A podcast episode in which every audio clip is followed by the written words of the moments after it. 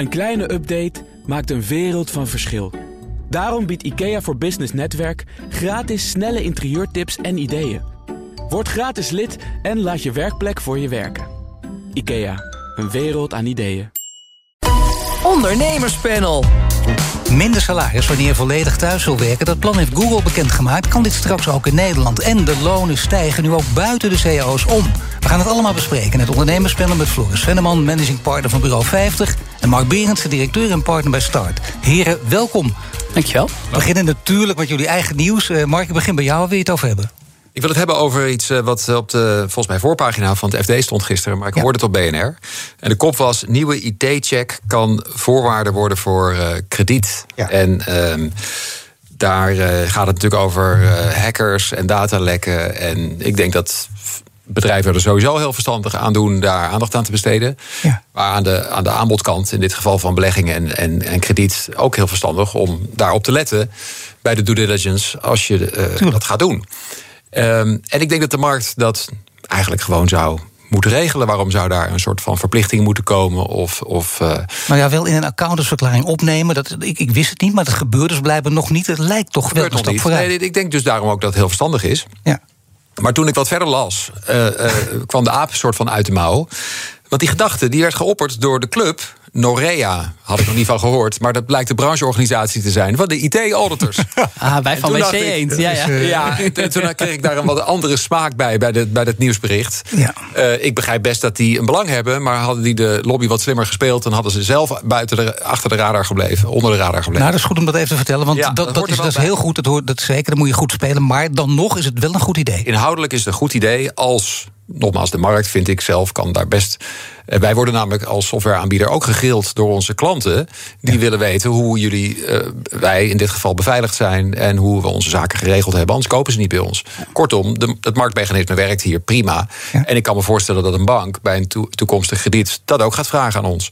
Maar nou, Mark. En als er dan een standaard voor is, helpt dat ook nog een beetje. Maar een verplichting of misschien nog erger wetgeving hierover, dat moeten we gewoon niet willen. Nee, nee. Maar even, even toch, want ik, ik ben zelf eh, niet zo van de IT, maar ik vind het altijd heel ingewikkeld. Ik bedoel, wij hebben ook een aantal overnames gedaan. En ik merk dat ik het toch heel lastig vind. Uh, bedoel, als jij met jouw blik, met, met technische kennis naar een bepaalde software kijkt, kijk je op een andere manier dan, nou ja, als ik willekeurig heb, Paul, ik weet niet hoe jij in de techniek zit, maar heel stel dat jouw ja, dat dacht ik al. Nee, dat, dat jouw blik, hè, een, een, programmeur die het werk van een ander keurt, vindt dat vaak per definitie minder goed. Je moet, nou, nee, je hebt wel echt wel standaarden hier. Okay. zeg maar, je moet voldoen aan een aantal dingen. Um, maar met verstand van zaken kun je natuurlijk pas vragen om dit soort uh, zaken. Dus, dus die, die checklists zijn van belang. En het kan helemaal geen kwaad als daar standaarden voor zijn. Er zijn zelfs ook al bedrijven die specialiseren in. He, je hebt een data room als je, als je zeg maar, je bedrijf wil verkopen. Maar je kunt dan ook zeg maar, de digitale data room hebben. De due diligence op de code, op, op de software. Dus eh, ja, op dat gebied gebeurt heel veel. Maar één belangrijk ding is hier nog, nog naast. En dat is natuurlijk de niet-private sector.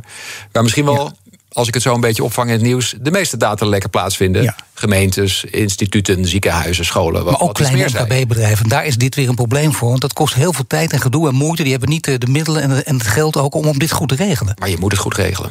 Ja. Het moet echt prioriteit zijn. Nou, Floris, je hoort het. Dus ja, je moet goed regelen.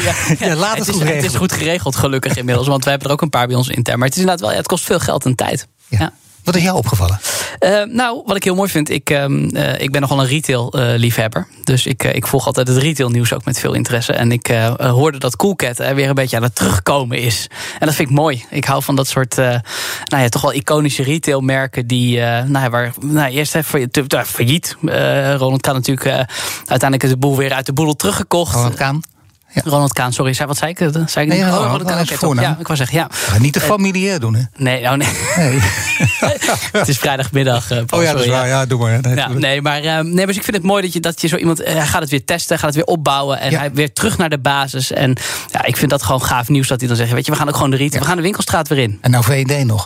Nee, dat is een ander verhaal natuurlijk. Maar retail is echt interessant. Ja. Vooral ook om te kijken hoe het nu gaat. Hè, want het gaat nog vrij goed in de zin van geen faillissementen. Maar die vrees is groot natuurlijk. Ja, ik denk wel, als ik een beetje de verhalen uit de, de branche wel hoor. Dat er wel een heleboel bedrijven nog wel um, aan, aan hele dunne touwtjes overeind gehouden worden. Waarbij er ook eh, het minste zuchtje wind eh, nu waarschijnlijk wel ook uh, faillissementen gaat Maar ik kan wel van schrik ook, daar, daaronder ook hele goede bedrijven. Zeker. Zeker. Ja, maar dat is denk ik wel wat we afgelopen jaar geleerd hebben. Is dat je kunt nog zo'n goed bedrijf uh, zijn.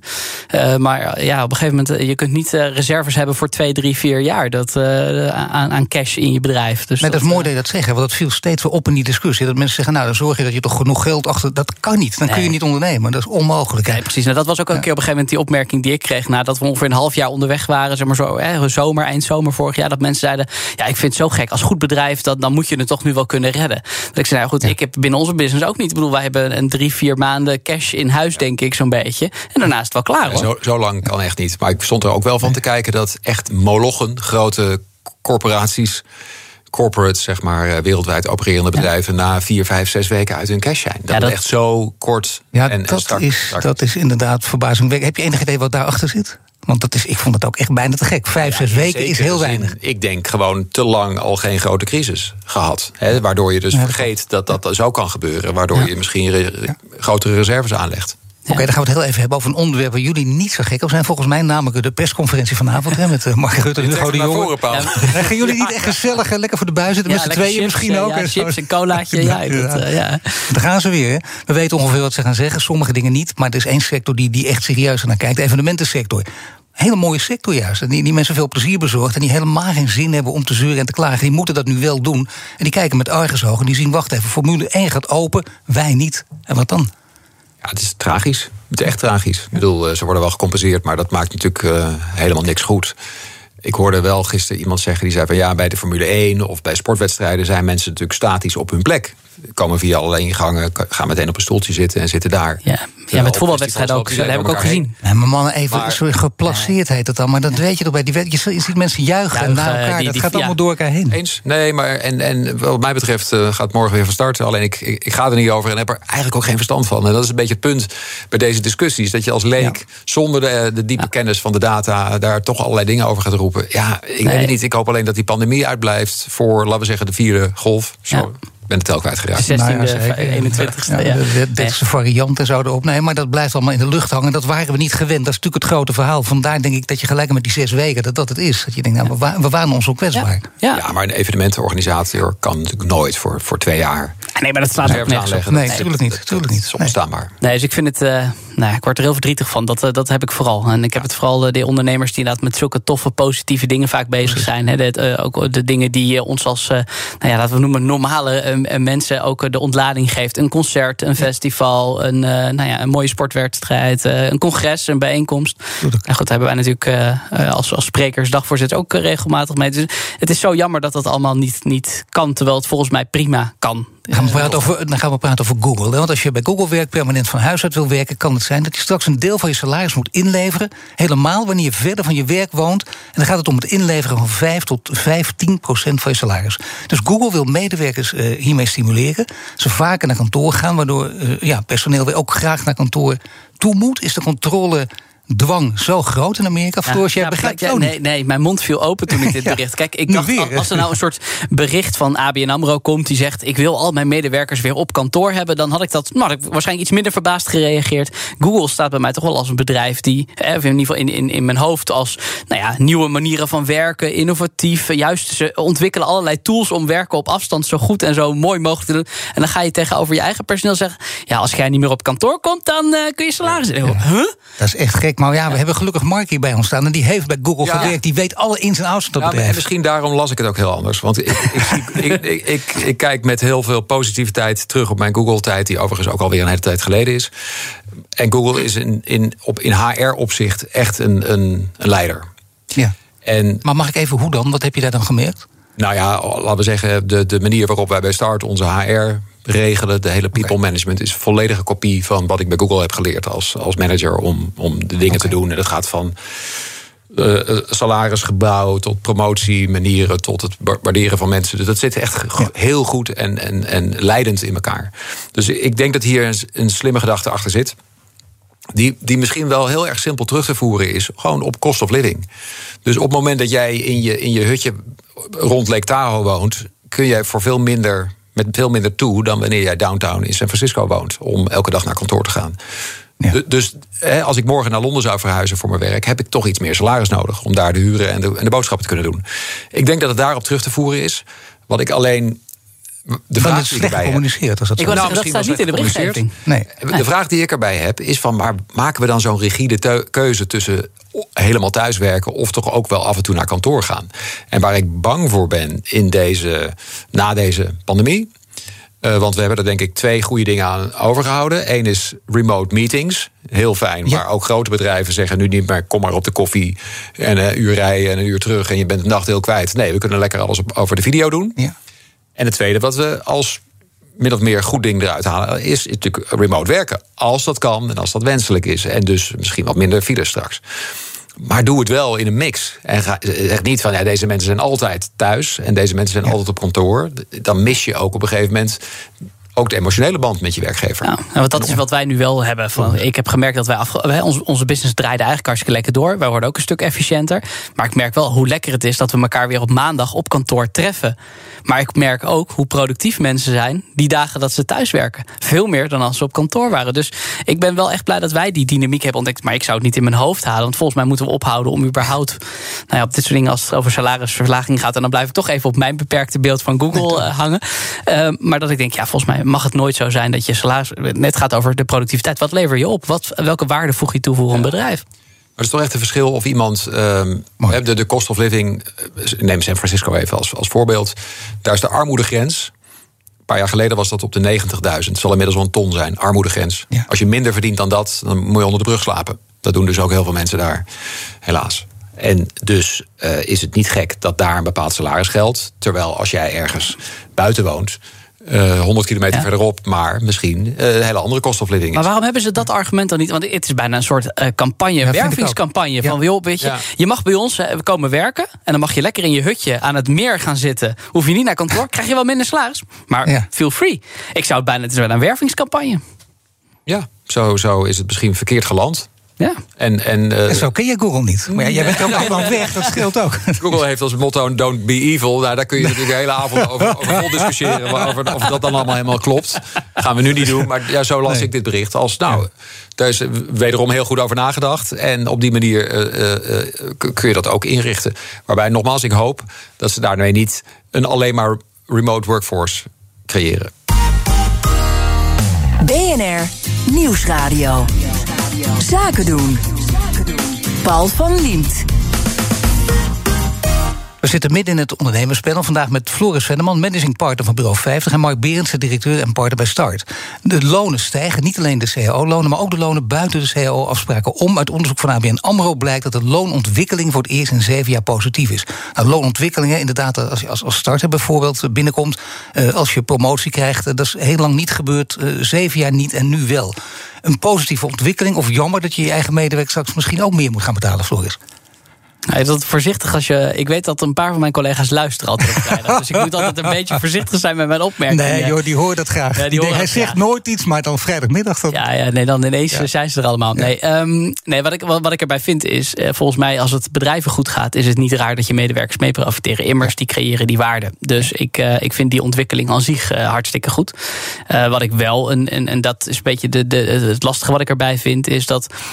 even terug, toch teruggrijpend op het eerdere onderwerp van deze uitzending. Die, die, die pandemie waar we het, die er toch een beetje doorheen zit. Ja. Ik vind wel dat um, dit ook wel het. Um, ik kom even mijn handje ophalen bij of houden bij mijn werkgever. Terwijl dat bedrijf misschien echt wel weer aan het herstellen is van een situatie die. Nou ja, we hadden het over cash uh, buffers en, en een stukje he, ja. vooruit investeren en dat soort dingen. We moeten niet straks een trend krijgen dat medewerkers inderdaad allemaal een handje op komen houden. Waardoor we eigenlijk een dubbele negatieve uh, spiraal gaan krijgen. En daar maak ik me wel een beetje zorgen over. Ja, maak jij er ook zorgen over? Want ik vind het wel logisch eerlijk gezegd, Mark. Ik bedoel, het is heel lang niet zo geweest. Vorig jaar wel een beetje, maar mensen heel lang geen loonstijging, dan krijg je dit. Het is natuurlijk over de laatste tientallen jaren te weinig loonstijging ja. geweest. Terwijl het de bedrijven heel goed ging. Laten we de pandemie even buiten beschouwing laten. Het wordt eens een keer tijd. Er wordt gewoon aan de onderkant van de arbeidsmarkt te weinig betaald. Er is vraag naar. Ja, ook hier gaat de markt nu zijn werk doen. En het, het wordt dus tijd. En wat ik heel raar vind in de arbeidsmarkt is dat flex hoort normaal beter betaald te worden dan vast. En voor zover ik heb begrepen, en dan heb ik het even niet over de, de, de dokters in de maatschap, nee. als je het over flex hebt, maar aan de onderkant van de, van, de, van de arbeidsmarkt is flex goedkoper dan vast. En dat is heel raar. Als wij een maandlicentie verkopen als start, betalen die klanten meer relatief dan wanneer ze zich voor een jaar committen. Met ja. andere woorden, flex heeft een prijs. Ja. En dat is in de arbeidsmarkt behoorlijk kwijtgeraakt. Ja, dat, is, dat is een hele mooie vergelijking. De vaste baan is eigenlijk een abonnement. Dus ook minder betalen. Ja, exact. En ja, je wil mensen ook naar vast krijgen. Maar niet omdat ze dan meer betaald worden. Nee, ze zouden meer betaald moeten worden als, als flexkracht. Dat die lonen omhoog gaan, it's about time. Ja. Maar dit verhaal, dat vertel je neem ik aan vaker. Dat, dat zal bij mensen toch vallen. Want ik vind het een hele mooie vergelijking. die ik eerder gezegd niet eerder gehoord heb. maar die ik wel begrijp. Waarom landt dit niet? Wat is de belangrijkste reden daarvoor? Dan moet je namelijk allerlei loongebouwen omgooien. Mensen hebben altijd bezwaar om iets niet te doen. Maar dit zou een heel goede, eh, misschien wel echt een vooruitgang betekenen. Tekort aan arbeidskrachten. Dat, dat is een hele goede prikkel voor bedrijven om, om dingen om te gooien. Wil je meer leraren, dan wordt er van alles al dingen altijd bijgehaald. Van ja, de stress moet omlaag en minder taken. Nee, tuurlijk ook. Maar kijk ook vooral naar het geld. Want je wil mensen in de pabo krijgen of naar in de zorg in de opleiding eerst. Ja, dan moet het toch een, mooi vooruitzicht zijn om daar te vaak toch ontkend, dat dan zeker voor microfoon en camera in discussies, helaas. Hè. Nee, nee, het gaat niet om het geld, het gaat om alle andere dingen. Al die zijn ook belangrijk. Niet belanghebbend in deze. Ik kan ik bedoel, er zijn gewoon bepaalde economische principes. En, ja, dat klopt. Dat ja, helemaal waar. Maar volgens mij zit er ook een andere kant op. En dat is wel, ik hoor heel veel, heel veel werkgevers ook roepen... ja, we kunnen niet de juiste mensen vinden. Ik denk dat het begint ook al bij aantrekkelijke werkgever zijn. En dat, ja, dat gaat over salaris, maar dat gaat ook over... nou ja, thuiswerken. Dat gaat ook over wat zijn verder de... Hè, wat voor type bedrijf, op welke manier voegen we waarde toe aan de wereld? Wat is het type werk? En ik vind dus de loondiscussie... dat is natuurlijk wel de afgelopen jaren... ja, misschien zijn de salarissen niet, niet zoveel gestegen... maar we zijn wel, denk ik, de afgelopen jaren, en dat kun jij denk ik nog veel beter uh, beamen, maar veel bewuster bezig ben ik een aantrekkelijke werkgever. En hoe ziet dat er dan uit? Hoe moeten we dat inrichten met elkaar? En, uh, en zeker ook binnen de zorg bijvoorbeeld. Ja, we kunnen allemaal met elkaar gaan roepen en de hele tijd alleen maar roepen met we hebben te weinig mensen in de zorg. Oké, maar hoe maken we er een aantrekkelijke organisatie van om voor en mee te werken? Nee, maar ik weet zeker dat dit waar is. Dat is ook een hele mooie ontwikkeling eigenlijk. Maar dat geld, dat, dat is dan bijna vinden mensen wel een ordinaire discussie. En die moet, dat moet toch samen gaan? Ik zou bijna zeggen, dat hoort er ook bij. Nee, tuurlijk hoort dat Aantrekkelijk werkgever, dat is een belangrijk onderdeel ervan. Absoluut. Ik bedoel, mensen gewoon een loon naar werken, om die uitdrukking er dan toch maar even. Die, die bestaat niet voor niks. Ik bedoel, we, we hebben een heleboel sectoren die chronisch onderbetaald zijn en worden. En, en ik hoop echt wel dat dat gaat veranderen. Zorg, onderwijs zijn daar denk ik wel hele goede voorbeelden van. En dit gaat nu over de echte onderkant van de samenleving ook, of waar weinig betaald wordt. Ik, ik heb hier ook een, een prijs voor, of wat geld, wat berichten voor me. En cijfers. De lonen stijgen. Vorig jaar verdiende je rond deze tijd 10,49 per uur in de horeca. Nu is het 11 euro en 8 cent. En dat de FNV zegt, uiteraard, vakbond, uh, minimumloon van 14 euro per uur. Maar in dit geval denk je misschien, ja, die mensen lopen ook allemaal weg bij de horeca, komen niet terug. En waarom? Ze kunnen elders meer verdienen. Het zal wel moeten. Het, het punt is alleen, en daar moeten we dan denk ik toch aan gaan wennen dat er inflatie gaat komen. Want die kop koffie wordt natuurlijk duurder. Ja. Uh, omdat de mensen anders niet te vinden zijn. Maar ja, je wil ook bediend worden. Dus uh, er zal meer gaan worden betaald. En dat gaat er met een biertje en, en de koffie uh, de, zitten straks. Dus maar dan krijg je dus die, die loonprijsspiraal. Ja, de, ja, dat is onvermijdelijk. De vraag is, hè, we vonden lange tijd de, de inflatie te laag. Ja, die gaat er nu wel aankomen, denk ik. En dan ben ik een econoom van de koude grond hoor. Dus dat is puur uh, nee, maar dit, van dit soort berichten. Ja, maar, ik denk dat bijna iedereen dit wel beaamt ook. Dat is zeker, je weet nooit wanneer precies. Maar dat het die kant op gaat lijkt wel logisch. Die arbeidskracht is wel lastig. Je wil een, een prettige werkgever zijn. Hoe los jij dat dan op, Floris? Want zit allemaal mee te luisteren. Ja, dat weet hoe Nee, hoe, nou, hoe lossen wij dat op? Uh, kijk, ik, ik, denk dat het bij ons wel gaat over... Kijk, wij zijn op missie eh, met elkaar als organisatie. En, en, en er is bij ons veel ruimte om, uh, om ook daar buiten je normale reguliere werk... daar dingen in te doen. Dus ik denk dat dat een van de dingen is... waarom wij een aantrekkelijke werkgever zijn. Um, ik, nou denk ik niet dat wij slecht betalen, maar dat moeten ze aan de andere kant van de lijn uh, maar even beamen of niet. Um, nee, dus ik, ik, ik geloof dat het hem ook in dat soort dingen zit. Het, het met elkaar samen ondernemen en daar ruimte in. En dan hoef je niet per se hem, mede-eigenaar, dat soort dingen, maar het, het samen projecten oppakken, uh, gave dingen doen en er ook aan bijdragen. Ja, volgens mij is dat wel een van de dingen die. Maar wat vinden mensen dan vooral belangrijk? Hè? Want samen dingen doen, gave projecten. Maar als je iets concreter, wat vinden mensen dan echt prettig, denk je? Misschien bij jou, als je om je heen kijkt naar een collega-ondernemers? Nou ja, wat, wat je merkt is, en dat is denk ik afgelopen jaar ook wel, er is heel veel uh, doordat er in ieder geval bij ons in eerste instantie wat projecten wegvielen, bijvoorbeeld, was er ineens wat ja, tijd en ruimte over. Dus ja, dan kun je zeggen dat is blinde paniek. Maar daarin wat ruimte om nieuwe dingen op te pakken, gewoon als projecten. Want we zien hè, binnen het onderzoek dat wij doen, we doen eh, wekelijks onderzoek in het Nationale 50PLUS panel. Dus we weten heel erg wat er speelt en leeft onder ouderen. We halen daar trends uit. Ja, dan kunnen we gaan zitten wachten tot een klant komt die met die trends iets gaat doen. Maar we kunnen ook zelf proactief een product of een dienst ontwikkelen. Ja. Dat. Nou ja, zijn dat inderdaad belangrijke redenen om ergens voor te gaan werken, Mark? Althans, als je het op je eigen bedrijf betrekt? Ik, ik denk dat als het salaris goed is, eh, voldoende is, dan is de rest uh, alleen nog maar belangrijk. Hè? Dus dan, dan, volgt de rest. En maar als het salaris onvoldoende is, dan is de rest niet meer belangrijk. Want dan houdt het op. Nee, maar gaat toch wel ontevreden over waar, hè, daar kan je, kan je niet uit. Bij ons is dat in orde. Wij meten elk kwartaal de, de, ja, hoe zit het team erbij? Wat, wat vinden ze van de verschillende onderdelen? Daar scoren we huizen hoog. Dus ik kan roepen dat we een fijne cultuur hebben, maar dat wordt ook, ook, ook bevestigd door die, door die getallen. Um, zit er midden van allerlei dingen. Dat is natuurlijk een complete uh, mix van echt benefits die, je kan, die je kan beetpakken tot en met cultuur. Van werken we samen fijn aan mooie dingen. Ja, maar ik zit er wel. Kijk, wij, werken natuurlijk ook veel voor zorgorganisaties. En wat wij zien is dat um, daar is natuurlijk altijd het eeuwige probleem voldoende mensen kunnen vinden. En zij kunnen niet in één keer alle salarissen omhoog gooien als individuele zorgorganisatie. Zo werkt het nou helemaal niet. Maar wat je wel merkt, dat bij die organisatie waar wij bijvoorbeeld komen, er is er eentje die heeft gezegd: de zorg is helemaal dichtgereguleerd. Hè, je mag als medewerker bijna niets. Ja. Um, maar het, het, begrip eigenaarschap wordt heel vaak in missies en visies en strategieën. Maar ik zie een aantal organisaties die dit echt, echt doen. Dus die echt medewerkers de ruimte laten om zelf invulling te geven. Je ziet dat de medewerkers tevredenheid te houden. Dat gaat dus niet over dat salaris. Dat gaat over het feit hebben dat je binnen je eigen werkkring, ook in de, nou ja, de, de, de, de onderkant van de hiërarchie van de organisatie, gewoon de verzorgende, de eigen ruimte hebben om dingen op je eigen manier te doen. Mag ik het uh, belangrijkste nieuws eh, van de week even met jullie bespreken? Want dat sluit hier misschien wel op aan. Een bedrijf dat misschien wat minder aantrekkelijker ook wordt voor, voor de medewerkers. Want heel Duitsland staat op zijn kop, hè, tot oud bondskanselier Schreuder aan toe. Volkswagen wil de eigen curryworsten uit de kantine verbannen, hele kantine vegetarisch maken. En Volkswagen wil de kantine dus vegetarisch, doet Volkswagen om te vergroenen. Geweldig plan pas in deze tijd. Eh, nou, Mark, wat vind je daarvan? Ik vind het een goed idee. Ofschoon ik een enorm aanhanger ben van persoonlijke uh, verantwoordelijkheid en vrije keuze, vind ik in dit geval, en dan ga ik misschien dat vergroenen is één element, maar de obesitas, wat de grootste pandemie is, epidemie van dit moment, wordt hier ook mee aangepakt. In Duitsland houden ze van hun worst, hun biertje en hun aardappels. Dus daar is het gemiddelde gewicht. Ik denk niet dat ze Amerika overtreffen, maar ze zitten in de voorhoede, denk ik. En daar is dit ook een hele goede stap voor. En goh, ik, ik, ik denk dat ze bij brouwerijen vroeger vanaf 11 uur s ochtends rondgingen met, met, met pijpjes bier op, op, op de koffiewagen of de tap stond open. Dat is ook niet meer. Hè? Heineken weet het nog, ja, inderdaad. Nou ja, dat is voor brouwerijen. Nee, dat, dat was toen. Dat, ja, past dus, in de cultuur. dat doe je ook niet meer. En is Dikke de cultuur veranderd. Ah, je cultuur moet zo bestendig zijn dat die ook deze aanpassing aan de moderne tijd kan doorstaan. Als de cultuur bij Volkswagen afhankelijk is van de koeriworst, is er wat mis. ja, maar ja, goed, je pakt toch iets van ze af. En zo voelt het wel. Ja. Ik wil zelf kiezen. Ja, dat, dat is misschien wel mijn, mijn grootste ding. Want ik kan helemaal mee in het verhaal van Mark. En ik vind, je hebt als, als werkgever natuurlijk ook verantwoordelijkheden om, om, om dingen goed voor je personeel te faciliteren. Dat betekent af en toe ook een gezonde werkomgeving. Maar ik vind als dit zo'n essentieel onderdeel is van uh, wie is, het een beetje als koffie van de werkvloer halen. Ik denk dat ik mij geen, uh, dat ik geen fans maak als ik de koffiemachine uit uh, kantoor sloop. Uh, dus, en, en hoef je misschien niet elke dag tien koppen koffie, hè, maar met elkaar zeggen, heel elke dag drie koppen koffie. Nou, om vertaald naar de curryworst. Ja, misschien moet je niet vijf dagen in de week of zeven dagen in de week die curryworst eh, serveren. Maar misschien doen we het alleen op de vrijdag. Uh, ik, ik noem iets. Ik vind het is ook weer, ook weer zo'n verhaal voor de bühne dat ik ook wel een beetje denk van eh, we moeten vergroenen als bedrijf.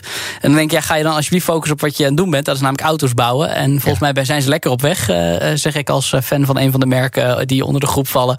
Uh, maar nee, ik vind, ik, ik vind dit een beetje een rare maatregel. Maar bijvoorbeeld de kroket, dat is er ook iets. Hè? Nou, gewoon elke kantine en restaurant nee, en zo. Kijk, ik zou ook het idee om dat dan bijvoorbeeld alleen op, eh, op, op vrijdag te doen. Hè, de vrijdagfrituur, uh, prima.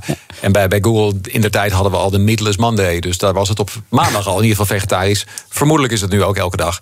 Um, dat is natuurlijk de, de uiteindelijke oplossing die wat sympathieker is. Uh, maar ik vind eerlijk gezegd, de, dus het, het obesitasprobleem zit hem toch vaak in aanbod. Als er alleen maar snackfood te krijgen is, de mens is zwak en die gaat voor vet en slecht die gaat het dan kopen. Als het er niet is, en, en we weten ook van wijken in Amerika waar geen verse appel te kopen is, maar wel liquorstores zijn en fastfood. En de mensen zijn allemaal obese. Er is een verantwoordelijkheid voor ook de leiding om te zeggen: ja, maar jongens, we moeten dit niet elke dag maar aan iedereen blijven aanbieden. Ik moet zeggen, dit zijn hele mooie, wijze woorden om dit uh, ondernemerspel mee af te sluiten. Ik dank jullie hartelijk, heren Mark Berendsen, directeur en partner bij Start, en Floris Venneman, managing partner van Bureau 50. En zo bij de pitch, dan spreken we van een start-up met een hip drank. Het inrichten van je eigen zaak is best wel wat werk. Daarom biedt IKEA voor Business Netwerk 50% korting op interieuradvies.